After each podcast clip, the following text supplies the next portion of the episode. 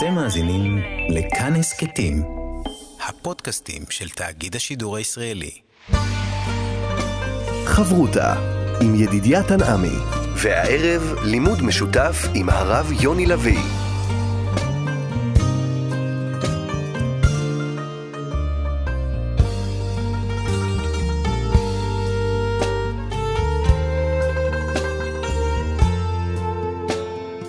שלום, כאן מורשת, חברותא, לימוד משותף עם רבנים ואנשי חינוך בנושא תנ"ך, הלכה ואמונה. היום אנחנו לומדים אמונה יחד עם הרב יוני לביא, מראשי ארגון קהלים ורב במרכז ברקאי. כאן ליד המיקרופון, ידידיה תנעמי. שלום לך, הרב יוני לביא. שלום ידידיה, ערב טוב, מאזינים יקרים. פרשת אה, וישלח, אנחנו פוגשים את הדמות של יעקב שממשיכה להתמודד, והנה אנחנו רואים שיעקב אבינו גם כאן חושש, מפחד מפני עשיו. והשאלה היא, האם זו הדרך של התורה, אדם שהוא איש תם, יושב אוהלים, למה שיפחד? הקדוש ברוך הוא הרי שומר עליו. מעניין שזה לא הפעם הראשונה שיעקב מפחד. למעשה, הוא האיש המפחד ביותר בתנ"ך, אם אפשר לומר כך. כלומר, הכי הרבה פעמים מצינו ביחס אליו שיש חשש מפני משהו. זה התחיל כשאימו רבקה רצתה לשלוח אותו אל יצחק, והוא חושש, אולי ימושני אבי והבאתי עליי קללה. הוא בורח מארץ ישראל לחרן, כי הוא מפחד מאחיו. בלילה, כשהוא חולם על הסולם, הוא מתעורר בבעתה, ויירא, ויאמר, מה נורא המקום הזה? לבן שואל אותו, למה אתה הלכת בלי להגיד שלום? הוא אומר לו, אני יראתי שתגזול את בנותיך מאימי. ובפרשת השבוע שלנו, לקראת המפגש עם עשיו ויירא יעקב מאוד, יש פה המון אה, פחדים וחששות. ואני חושב שהשאלה שלך, ידידיה, מאוד חשובה, כי היא לא רק על יעקב, היא בעצם גם עלינו. כולנו אה, אנשים שפוגשים את הפחד בהרבה הזדמנויות בחיים.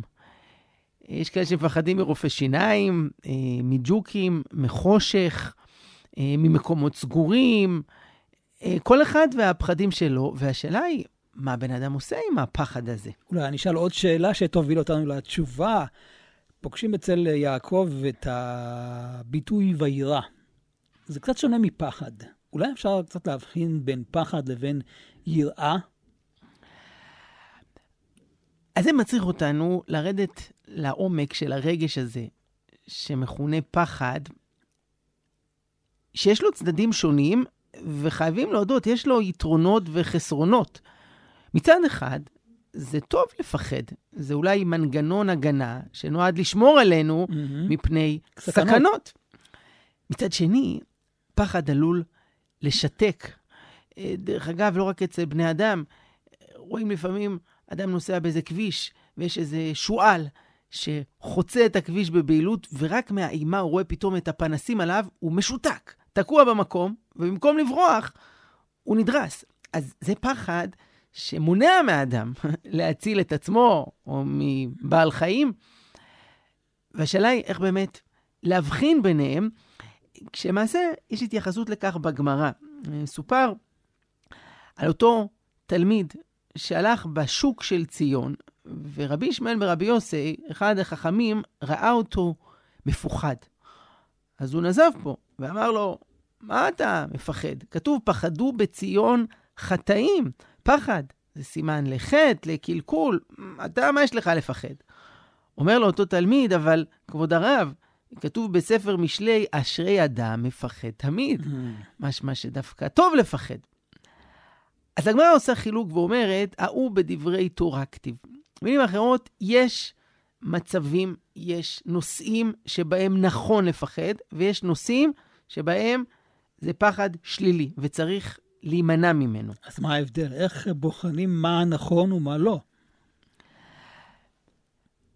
הדבר הראשון זה להבחין, אתה שאלת קודם, אולי זה שמות שונים mm-hmm. וכל אחד מבטא סוג אחר של פחד, אז אני הייתי מחלק בין פחד לבין זהירות. זהירות זה הפחד במובן החיובי. כלומר, הפחד שמונע מאיתנו ללכת למקומות מסוכנים, הוא מייצר דריכות, הוא עוזר לאדם לשמור על עצמו, הוא ערני יותר. הפחד השלילי הוא זה שמשתלט על האדם, שכבר לא מאפשר לו לפעול, אלא פשוט תוקע אותו במקום, והוא רק אחוז אה, בעתה ואימה. זה פחד שהוא אה, קטלני, וממנו צריך להישמר. כלומר, יש הבדל בין uh, המטרה של הפחד, אם המטרה היא תגובה של האדם, כשהוא לא יכול לעשות משהו, אז זה דבר שהוא לא טוב, אבל אם זה זהירות, זה תכנון, יראה לפני דבר שאתה עושה, פה יש מקום לפחד. נכון. מי שניסח את זה בצורה קולעת זה הרב קוק. יש לו ספר ששמו מידות ראייה, ושם, בערך פחד, אז הוא אומר את הדבר הבא: הפחדים הם פתיות גמורה. אין לאדם לפחוד, כי אם להיזהר. יותר שהוא פוחד, הוא נופל. וכשהוא מתפחד, מעצם הפחד בא לו המכשול. על כן צריך הוא להתגבר בשכל, לדעת שאין לו כלל ממה להתפחד. Mm. שים לב שהוא משתמש במילה להתפחד, וזה לא... להתפעל, כן. בדיוק. שמה הכוונה? אתה כל הזמן מכניס את עצמך לכך. בדיוק. כלומר, יש כאן איזה גרעין של אמת שאנחנו לא מתכחשים אליו. להגיד לילד אה, שחושש מחושך, אה, שחושך ממפלצת שיש לו מתחת המיטה, אה, אין דבר כזה, זה סתם, אתה מדמיין? לא בטוח שזה יעזור. יש גרעין שמפחיד אותו. מה תגיד לבן אדם שחושש לנסוע לאיזה אירוע משפחתי, כי אולי יהיה תאונת דרכים, אה, אולי יהיה פיגוע? מה, אני יכול להגיד לו אין תאונות דרכים? אני יכול להגיד, מובטח שלא יקרה שום אה, פיגוע בדרך? אני לא יודע. אבל השאלה אם הגרעין הזה הוא תופח לממדים מפלצתיים ומשתלט על האדם, או, ופה שים לב ללשונו של הרב קוק, צריך הוא להתגבר בשכל. יפה. מה שמניע בדרך כלל את הפחד זה הרגש. ופה המקום להפעיל יותר את שיקול הדעת, אה, להחזיר את זה לפרופורציות הנכונות. ואני יכול להציע פה שני דברים אה, מעשיים שיכולים לעזור לנו בזה. האחד, זה תרגיל מחשבתי, שבו אנחנו בעצם הולכים עד הסוף עם הפחד, ומגלים שהשד לא נורא כל כך. דהיינו, אה, נגיד אני פוחד שאני אכשל במבחן, יש לי איזו פרזנטציה חשובה ואני... אני אומר לעצמי, אתה יודע מה, בוא נגיד שאני לא אקבל ציון טוב. בוא נגיד שהפרזנטציה לא תהיה כזאת מוצלחת. מה אז? מה, יפטרו אותי מעבודה? יסלקו אותי מבית הספר? לא. היה לי כבר מבחנים קודמים, הם מכירים אותי וכולי. וגם במקרה הזה, זה, זה, השד לא נורא כל כך. ולא פעם, כשאדם הולך כביכול עם הפחד, הוא מגלה שגם אם יקרה מה שאני פוחד ממנו, זה לא סוף העולם. מעבר לכך, עצה שנייה, אומר אותה הרב קוק, אני אגיד את זה בלשונו, כל ציורי הפחד הינם רק צבעים פזורים מציור גדול שצריכים להשלימו. כביכול יש לנו פה איזה ציור שלם, שהפחד זאת נקודה אחת בתוכו. אבל יש עוד מלא צבעים אה, מסביב. נגיד, לדוגמה, אם דיברתי על זה שיש איזו הרצאה או פרזנטציה שצריך אה, לשאת, ואני פוחד מתקלות ואולי לא יקבלו את זה, אז אני אומר לעצמי, אוקיי, אבל יש לי כבר את הניסיון שלי מפעמים קודמות. אה, גם אם המצגת לא תעבוד, אבל אני יודע בעל פה להעביר את הדברים. אה, גם אם לא ירצו את המוצר הזה, אז יש מוצרים אחרים שאני יכול להציע להם. זה פתאום לראות את התמונה השלמה, ואז מתברר שהפחד זאת נקודה אחת מתוך מכלול שלם, וזה כבר mm, הרבה פחות מפחיד. כשמדברים על אה, פחד, הרי זה דבר שהוא נובע מדבר שאני לא יודע, מהלא ידוע. וכאן אולי גם המקום של האמונה, כאשר אדם מאמין, כמו יעקב אבינו, שהקדוש ברוך הוא יחד איתו, זה מסייע. אין ספק, אבל בואו נדייק, מסייע במה. Mm. כי גם אדם מאמין, אין לו תעודת ביטוח שהוא יכול לומר, אני סומך על השם שלא יקרה הדבר שאני חושש ממנו. אנחנו לא נביאים, אנחנו לא יודעים מה באמת הקדוש ברוך הוא מתכנן. אז אם כך, מה בעצם היתרון של המאמין? היתרון בכך שהוא יודע שגם אם יקרה הדבר שפחות רציתי אותו, עדיין הכל תחת שליטה. הכל מכוון מלמעלה. רצון השם מנהל את הדברים. הקדוש ברוך הוא אוהב אותי, שומר עליי, משגיח, וממילא אני פחות חושש ממה שיקרה. אני חייב לשתף פה, ידידיה, בסיפור אחד מופלא על הריאץ. הרב יוסף יצחק שניאורסון היה הרבי השישי של חב"ד, ובאותם הימים, בברית המועצות, שלטון הקומוניסטי, היה קשה מאוד להיות אדם מאמין ושומר מצוות, והוא הובא לחקירה במקום שכונה חצר המוות, מין אה, בית סוהר גדול שהיה שם ברוסיה, והוא נחקר על ידי שלושה אנשים מוועד מבקרי הדתות, ככה זה כונה, ושאלו אותו כל מיני שאלות, והוא סירב לשתף פעולה. ואז אחד מהם התרגז, שלף את האקדח, ואמר לו, הצעצוע הזה מסוגל לפתוח את הפה גם לאילמים. כך הוא אמר.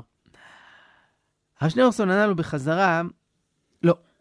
הצעצוע הזה עושה רושם רק על מוגי לב שאין להם אלא עולם אחד והרבה אלים.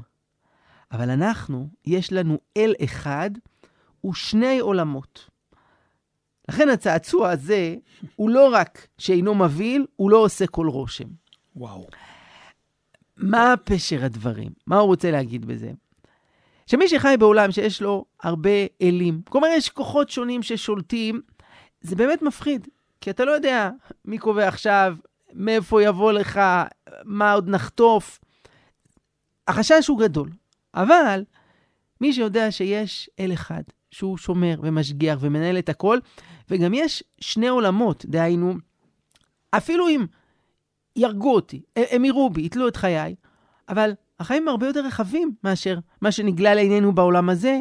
יש עולם הבא, יש עולם של נשמות. ממילא אי אפשר באמת ליטול את החיים שלי באופן מוחלט. אני לא מפחד. הצעצוע הזה לא עושה עליי כל רושם. חברותה עם ידידיה תנעמי.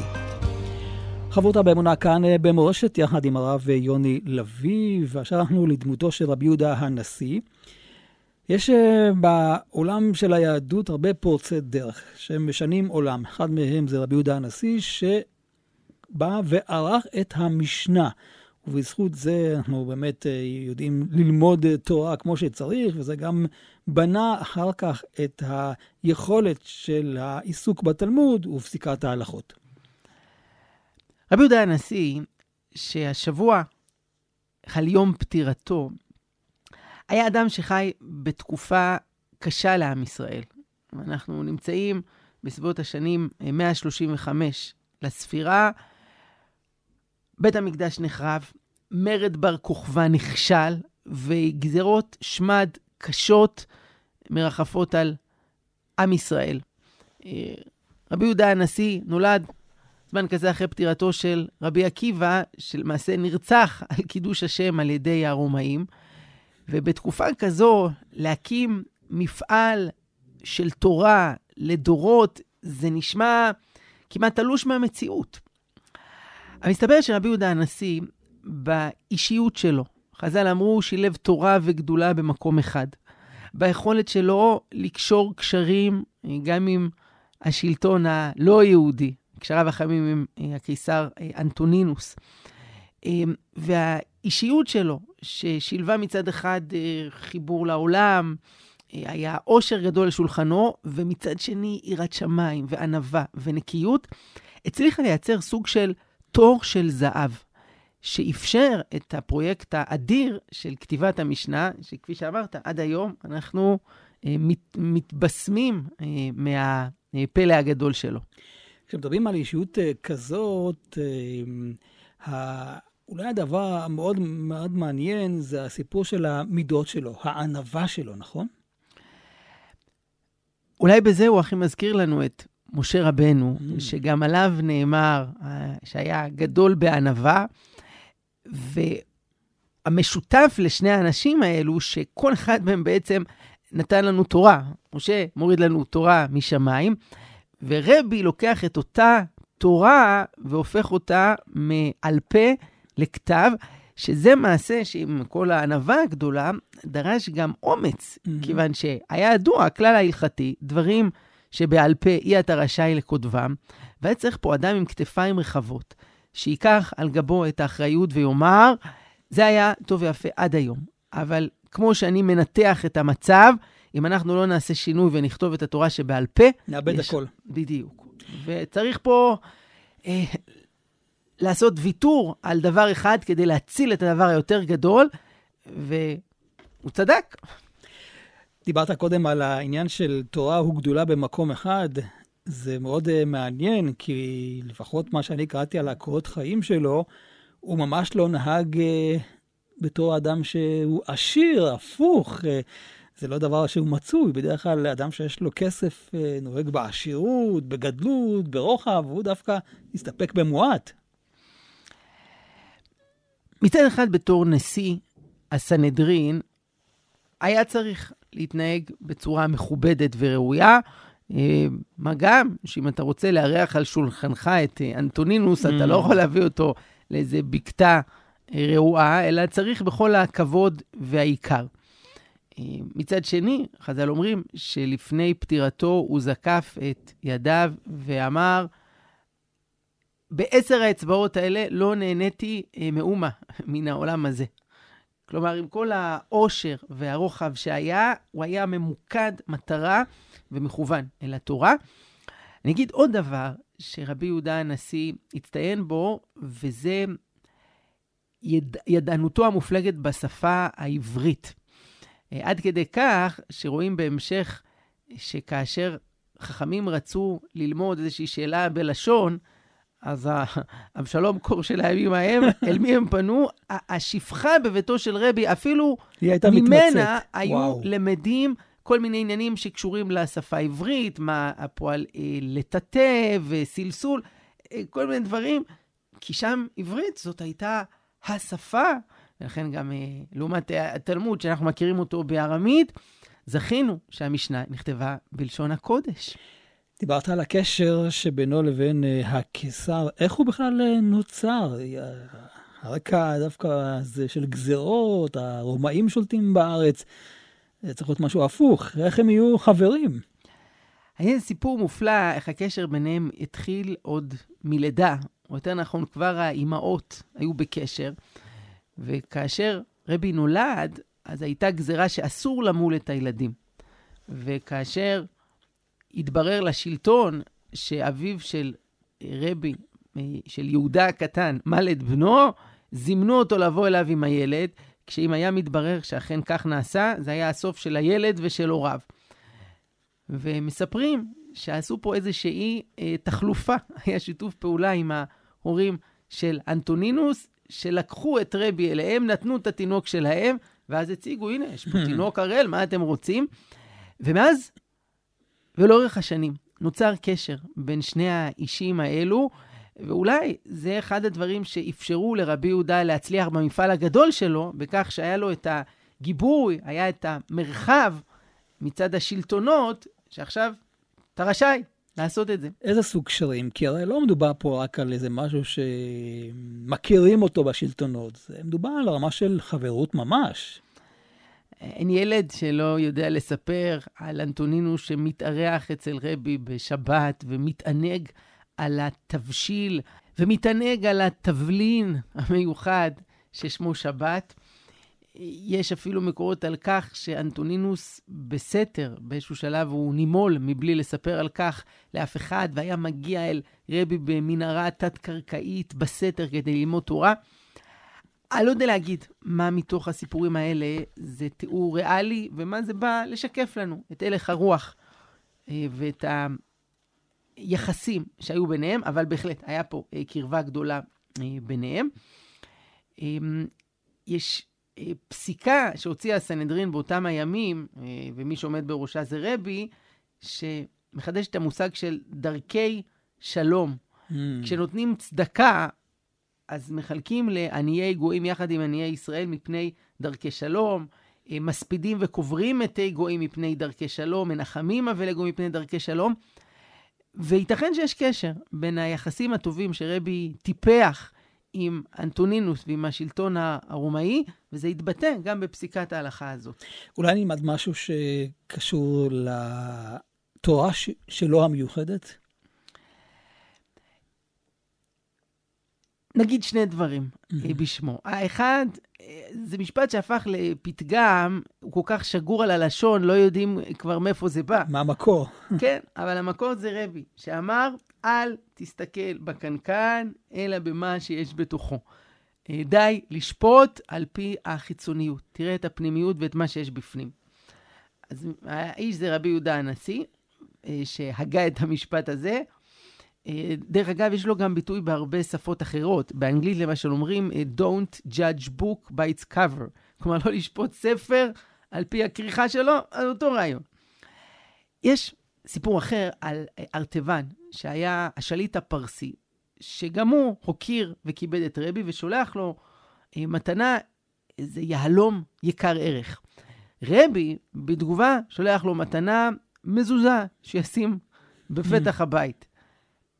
ארטבן היה קצת מאוכזב. הוא אומר, אני שולח לך פה יהלום ששווה מיליונים. אתה שולח לי קלף שכתוב עליו אותיות, אה, מה? רבי אמר לו, תדע לך שמה שאני שלחתי לך שווה הרבה יותר ממה שאתה שלחת לי. כי מה שאתה שלחת לי, צריך כל הזמן לשמור על זה, שלא יגנבו, שלא ישדדו. לעומת זאת, מה שאני שלחתי לך, אתה שם בפתח הבית, והוא שומר עליך.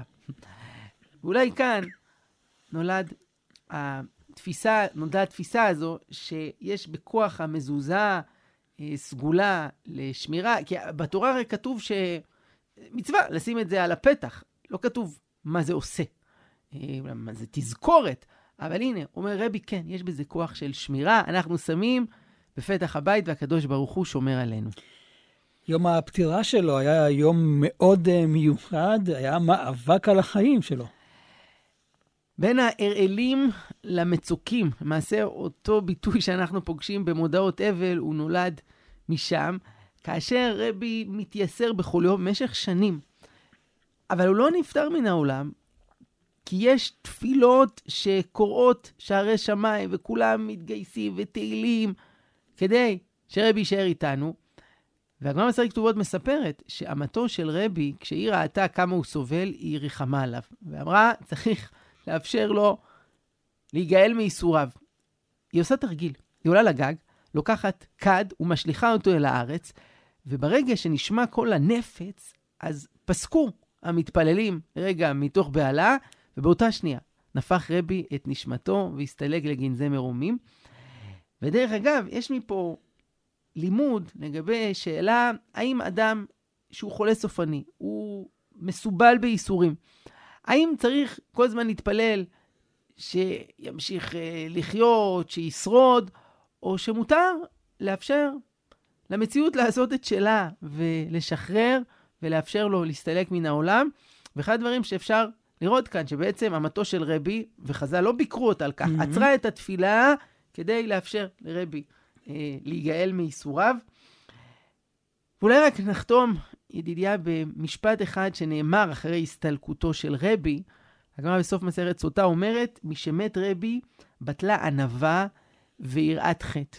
כלומר, הוא הצטיין בשני הדברים האלו, עד כדי כך שכשהוא הסתלק מאיתנו, כביכול, אין יראת חטא ואין ענווה, מי ייתן לנו כדוגמתו. חברותה עם ידידיה תנעמי חבותה באמונה כאן אה, במורשת, יחד עם הרב אה, יוני לביא, ועכשיו בואו נדבר על השבת, אנחנו נמצאים בשבתות החורף, והשבת נכנסת מאוד מאוד אה, מוקדם, הלחץ ניכר. והשאלה, מה קרה לנו? האם אנחנו אנשים שנלחצים ולא מספיקים להתארגן בגלל שהזמן קצר? אפשר היה לחשוב שהכל נובע מזה ששבת נכנסת סביבות ארבע, בשבתות המוקדמות ביותר. אבל אני לא יודע איך זה אצלך בבית, ידידיה, אני יכול להגיד לך מה אצלי, ונראה לי שבעוד הרבה בתים... שגם גם, בקיץ אותו דבר. בדיוק. גם כששבת נכנסת בשבע, אז אנחנו פחות או יותר לקראת הדלקת נרות מסיימים את ההכנות. אה, מה עם הזמן הגדול שהתווסף לנו? זאת שאלה טובה. אבל ודאי שכששבת נכנסת כל כך מוקדם, יש כאן אתגר אה, גדול, שהוא גם מייצר לעיתים מצבים לא נעימים של מתח בתוך המשפחה, אה, עצבנות, כעסים. Mm-hmm. אתה יודע שאחד ההסברים למנהג לברך את הילדים בליל שבת הוא בדיוק העניין הזה. בגלל שלפעמים, בגלל הלחץ לשבת, אז אומרים איזה... אתה זורק מילה. מילה, ומה זה העצלנות הזאת, ותוריד את הפארק, וצריך להגיד לך. שבת נכנסת, אנחנו פותחים דף חדש. שמים את מה שהיה מאחורה, מחבקים את הילדים, מנשקים אותם. טוב, אבל אנחנו רוצים בסופו של דבר שזה לא ייראה ככה. השאלה מה הטיפים שתיתן לנו. האם הטיפים זה לטבע האדם, שלא להגיע לדקה ה-90, או שיש כאן משהו שבאמת אה, יכולת של התארגנות משותפת אולי של כולם, כי בסופו של דבר, כפי שאמרת, הזמן קצר והמלאכה מרובה. תראה, אני חושב שצריך להתחיל משינוי בגישה. פגשתי לא מזמן אישה שעלתה מאתיופיה, והיא סיפרה לי דבר מעניין. הם נהגו בכל ערב שבת ללכת ולטבול בנהר כדי להתנקות ולהיטהר לקראת שבת. אבל מה שמעניין זה שהם לא עשו את זה בסוף ההכנות לשבת, אלא? אלא בתחילתן. Mm. אנחנו נוהגים שנכנסים להתקלח בסוף, בסוף, אחרי שכבר סיימנו לשטוף את הרצפה ואת הכלים והשולחן ולסדר. לא, הם עשו את זה לפני הכל, כדי שגם ההכנות, וואו. הם יהיו כשאנחנו כבר טהורים, כשאנחנו נקיים, כי גם ההכנות זה לא איזה עונש, זה לא עול, שאין מה לעשות, בוא איכשהו נעבור את זה, אלא אנחנו צריכים לגשת אל זה מתוך שמחה, לכבוד שבת קודש, ואנחנו עכשיו מתכוננים לשבת בשמחה. ואני אומר פה לכל ההורים שמאזינים לנו, תראו, האם הילדים שלנו יצאו מהבית עם זיכרונות שליליים, שדרך אגב, הם גם עלולים להעתיק לבית שלהם, או שאנחנו נצליח לייצר איזשהו מודל של כניסה חיובית, מהירה, שמחה לשבת, אפילו כשנכנסת בארבע. אז טוב, אני מתאר לעצמי שהעצה הראשונה זה פשוט להתחיל ולהקדים אה, כבר ביום חמישי אולי. נכון.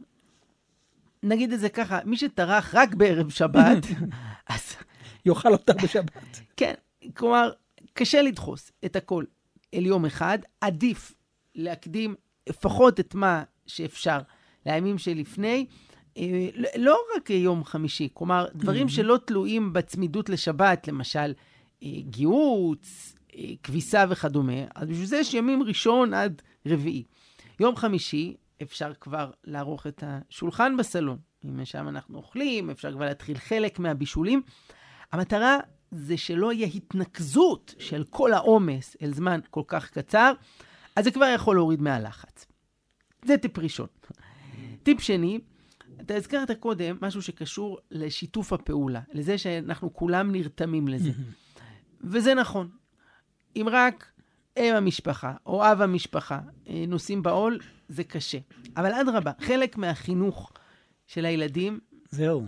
אה, שותפים. שכל אחד עושה את שלו, ואני אגיד יותר מזה, הרבה יותר כיף לשבת ליד שולחן שבת, כשאתה יודע שגם אתה או את, ואפילו אתם בני 6 או בני 14, יש לכם מניות בדבר שמתרחש פה לנגד עינינו. ו- וכל אחד יכול לעשות את החלק שלו. אה, יש לי בת אה, חמודה בת חמש, קוראים לה כרמי. יש לה תפקיד, היא מסדרת את הנרות, שבאמת זו משימה פשוטה, היא לוקחת ככה נרונים ושמה... זה פשוט מאוד. אבל היא יודעת, זה התפקיד שלה, ואתה צריך לראות, ידידיה, כשאימא שלה מדליקה נרות, איזה תחושה של גאווה יש, כי זה בזכותה, היא זאת שסידרה את הנרות. אז זה גם מתנה לילדים, שרותמים אותם להיות שותפים. תשמע, יש אה, ספר חדש שיצא על uh, הראשון לציון, הרב עובדיה יוסף, זכר צדיק לברכה, שנקרא הסיפור שלא סופר. ושם כן. הבת שלו, רבקה צ'יקוטאי, מספרת על המחמאות של אבא. ובין המחמאות, זה באמת היה על העוגות, כל התבלינים שהכינו לקראת שבת. וזה היה חלק מתוך החוויה של ילדים בחינוך של אבא, כי אבא תמיד עסוק בלימוד תורה, והנה פה הוא מתייחס. אז הנה הזדמנות באמת שכל אחד אולי יכין את המתכון שלו, העוגה שלו. בסופו של דבר, כשאתה מגיע לשולחן שבת, וזה מאוד טעים, וגם אם לא טעים, קצת את המחמאה הזאת, כדי שבאמת אנשים ירגישו שהם חלק משולחן השבת. בגמרא במסכת שבת יש לא מעט סיפורים על גדולי ישראל. נכון. ואין ספק שהיה להם עוזרים ומשרתים, ואנשים שהיו יכולים לעשות את זה במקומם. אבל הם לא ויתרו Mm-hmm. את החלק שלהם אה, בהכנות לשבת. אה, וכמו שאמרת נכון, גם לפרגן ולהחמיא אה, לכל אחד על מה שהוא עשה בהכנות לשבת. מה עוד? זה האווירה. מוזיקה ברקע, בפרט אם זה שירי שבת. Mm. תשמע, זה נותן אנרגיה לכל העשייה, זה משהו שכיף לעשות. אנחנו כל הזמן בדילמה בין הילדים, שכל אחד רוצה לשים אוזניות בשביל לשמוע בדיוק את המוזיקה שהוא אוהב, הספציפית כן. שהוא אוהב, השירים החביבים עליו, לבין זה שיש משהו משפחתי, שכולם עכשיו ביחד וששרים בקול, אז זה בהחלט דבר שתורם לעניין. נקודה נוספת זה העניין של סדרי עדיפויות. כלומר, חשוב לנו לפאר את שולחן השבת, ושתהיה ארוחה נעימה וטעימה. אבל, האם זה תלוי בכך שיהיה שמונה מנות עיקריות, 15 תוספות, אה, 30 סלטים? אה, אם כך, צריך לדעת גם את המחירים. זה אומר שכל יום שישי, אז אי אפשר לצאת מהמטבח, כי כל הזמן בישולים, בישולים, בישולים, Mhm. בישולים. גיליתי שגם אם עושים רק שתיים או שלוש מנות עיקריות, ויש רק ארבע תוספות, או אפילו שלוש, וכמה זה סלטים... לא פוגם באווירת השבת. כן, השמחה תהיה גדולה, ונשיר, ויהיה לנו כיף ביחד, אבל זה יוריד קצת מהלחץ, ויאפשר לנו להקדיש קצת יותר זמן לדברים אחרים. ואני אוסיף, אם יש אפשרות כלכלית, לפעמים, בעיקר כשקצת יותר לחוץ, קייטרינג. לקנות לפחות חלק מהדברים. אז יש כל מיני אה, קייטרינגים ש, שמציעים, זה יכול לעזור, כדי שיתפנה קצת זמן. ותשמע, מי שמצליח ללכת לנוח ביום שישי, וואו. אתה יודע מה, אפילו לחצי שעה, כן, אני יודע, יש מאזינים שזה נשמע להם אה, כמו איזה אה, חזון אחרית הימים. תראה, אני ראיתי בעיניי משפחות שגם משבתות מהמם. החורף המוקדמות, אה, מצליחות לחטוף את החצי שעה, שלושת רבעי שעה הזה של מנוחה בהתארגנות נכונה, לנקות את הראש, נקרא לזה. כן, אין ספק שתפילת ליל שבת תיראה אחרת, ולא יהיה צריך לנמנם בדרשה של הרב. וגם כשיושבים ליד שולחן, יש אנשים, אתה רואה אותם מנקרים לתוך המרק, ויש כאלה ש- שהם איתך, שהם משתתפים, שהם מקשיבים, שהם שמחים. זה כבוד השבת שאנחנו מגיעים אליה. זה, זה חלק מההכנות, ללכת לנוח בצהריים, אם רק, אם, אם אפשר. יש בזה בהחלט כן. מעלה גדולה, לקבל אותה בנחת כשאנחנו ערניים. אולי נסיים את הרעיון הזה עם כך שבליל שבת יש זמן פנוי.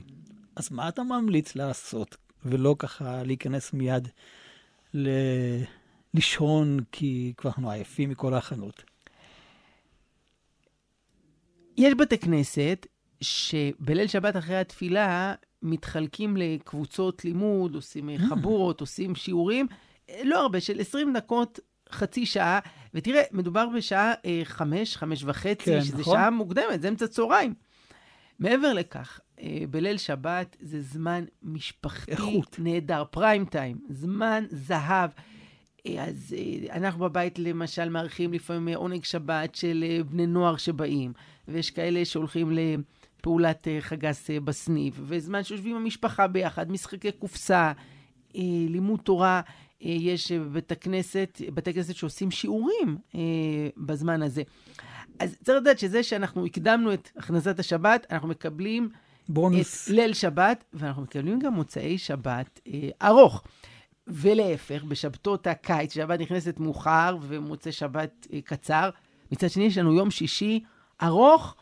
אה, תשמע, אני מכיר משפחות שהולכות לטיול ביום שישי בצהריים, כי שבת בשבע, Mhm. גומרים מחנות, הולכים לים, עושים טיול בטבע, חוזרים נחים ומקבלים את השבת. אז נכלכל את צעדינו כדי להספיק באופן מיטבי, גם לקבל את השבת, גם לתת למשפחה, אמ, ושיהיה שבת שלום לכולם. חברותה עם ידידיה תנעמי. חברותה כאן אה, במורשת, יחד עם הרב יוני לביא, אנחנו לקראת אה, חתימת התוכנית, עוד אה, רעיון של השראה.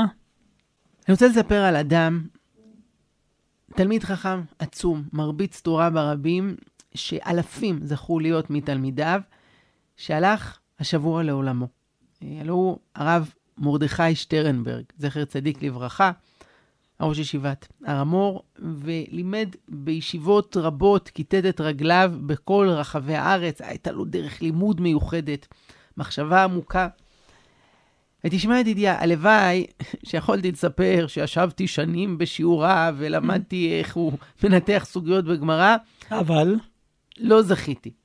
איך שאני הגעתי, אספר פה עניין אישי, לפני שנים לישיבת מרכז הרב, בדיוק, הישיבה התפצלה, וחלק מהרבים עזבו, וחלק מהתלמידים עזבו, וביניהם היה הרב שטרנברג, הוקמה אז ישיבת הר המור, והייתי צעיר, שיעור א', לא כל כך הבנתי על מה ולמה ומה העניין, אבל את כל הסיפורים שמעתי, על השיעורים העמוקים, על הסברות המופשטות, ומה אני אעשה? לא זכיתי לטעום מהמתיקות הזאת של התורה.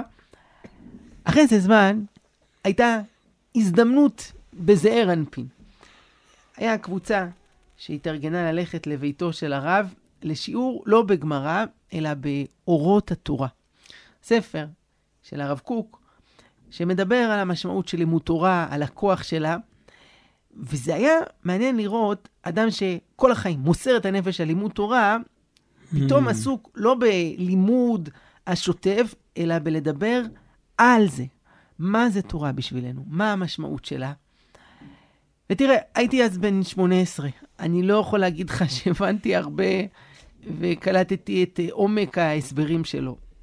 אבל לראות את האדם שמאוהב בתורה, שספוג בה, אתה רואה את הפנים קורנות ומאירות, והוא מקריא שם את דבריו של הרב קוק על אבקה תפארת, האורה החיה הכללית של כל היקום. על ידי התורה אנחנו דועים למעלה מכל היגיון ושכל, חשים את רוח אלוהים עליון מרחפת עלינו, טסה על פני חיינו ומזרחת אותם באורה.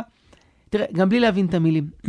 אני, אני ראיתי, אני קלטתי את האור שיוצא ממנו, ו- וכשהוא מדבר על זה, הוא חי את זה. הוא נשם את זה, וזה מה שהלך איתי, מהמפגשים הספורים שזכיתי אז. הרב יוני, אני זכיתי ללמוד אצלו בשיעור ג' כמדומני, והלימוד תורה שלו, אתה יודע מה, אם אני אנסה ככה להמשיך את זה לאיזה משל, זה לקחת אותנו למשל לאילת, לים סוף, ולצלול ולראות את כל היופי של התורה. בסברות, בהבנה. זה היה תלמיד חכם עם גאונות, עם יכולת של להגיע לסברות, לקושיות, תירוצים, ברמה מאוד uh, גבוהה. היה קשה מאוד ככה לתפוס אותו ככה במחשבה. אבל כפי שציינת, אני חושב שאפשר לומר שחיי העולם נטע בתוכנו. אתה מרגיש, זה לא משהו חיצוני, זה לא מישהו שבא נותן לך הרצאה, זה אדם שחי את העולם של תורה. כשהוא שואל שאלה, אז כל כולו מתוך השאלה, ובסופו של דבר הוא ככה מגיע לתירוץ. אבל אני חושב שהדבר שהכי קנאה אותי זה הדרך לימוד שלו במידות. זאת אומרת, כשאתה לומד איתו, אתה רואה כלי של ענווה, אתה רואה אדם שאתה מיד מתחבר אליו, בצניעות, באיך שהוא מדבר אליך. זה, עד היום זה דמות שתמשיך וככה תלווה אותי, במיוחד כאדם שהיה פה שכן קרוב אליי, שפגשתי אותו. השבוע היו הרבה אנשים עצובים, בעיקר מתלמידיו, לשם הבשורה. אבל נדמה לי שבשמיים הייתה קבלת mm, פנים מפוארת וואו. ושמחה גדולה, כשביחד הצטרפו אביי ורבא, והרמב"ם, ורבי עקיבא איגר, והקצות, שהיה לומד ומלמד מתורתם, מסביר בכל העוצמה את הסברות שלהם. כאילו, אם זאת הסברה, אז אין בלתה, ואתה כמעט משתכנע, זאת האמת, ואז עכשיו לראות את הצד השני, וכולם קיבלו את פניו אה, בשמחה, אה, שזכותו תגן עלינו, ושכל התלמידים שספגו מתורתו ימשיכו להאיר אותה הלאה. בעזרת השם, תודה רבה לך, הרב יוני לביא, מראשי ארגון קהלים, ורב במרכז ברקאי, כאן ידידיה תנעמי. אנחנו עוד נשוב וניפגש בחברותה הבאה, וניתן לשמוע את השידור הזה גם באתר כאן מורשת, ובכל יישומי ההסכתים. תודה ידידיה, תודה לכם שהייתם איתנו, ברכת השם עליכם, להתראות. אתם מאזינים לכאן הסכתים, הפודקאסטים של תאגיד השידור הישראלי.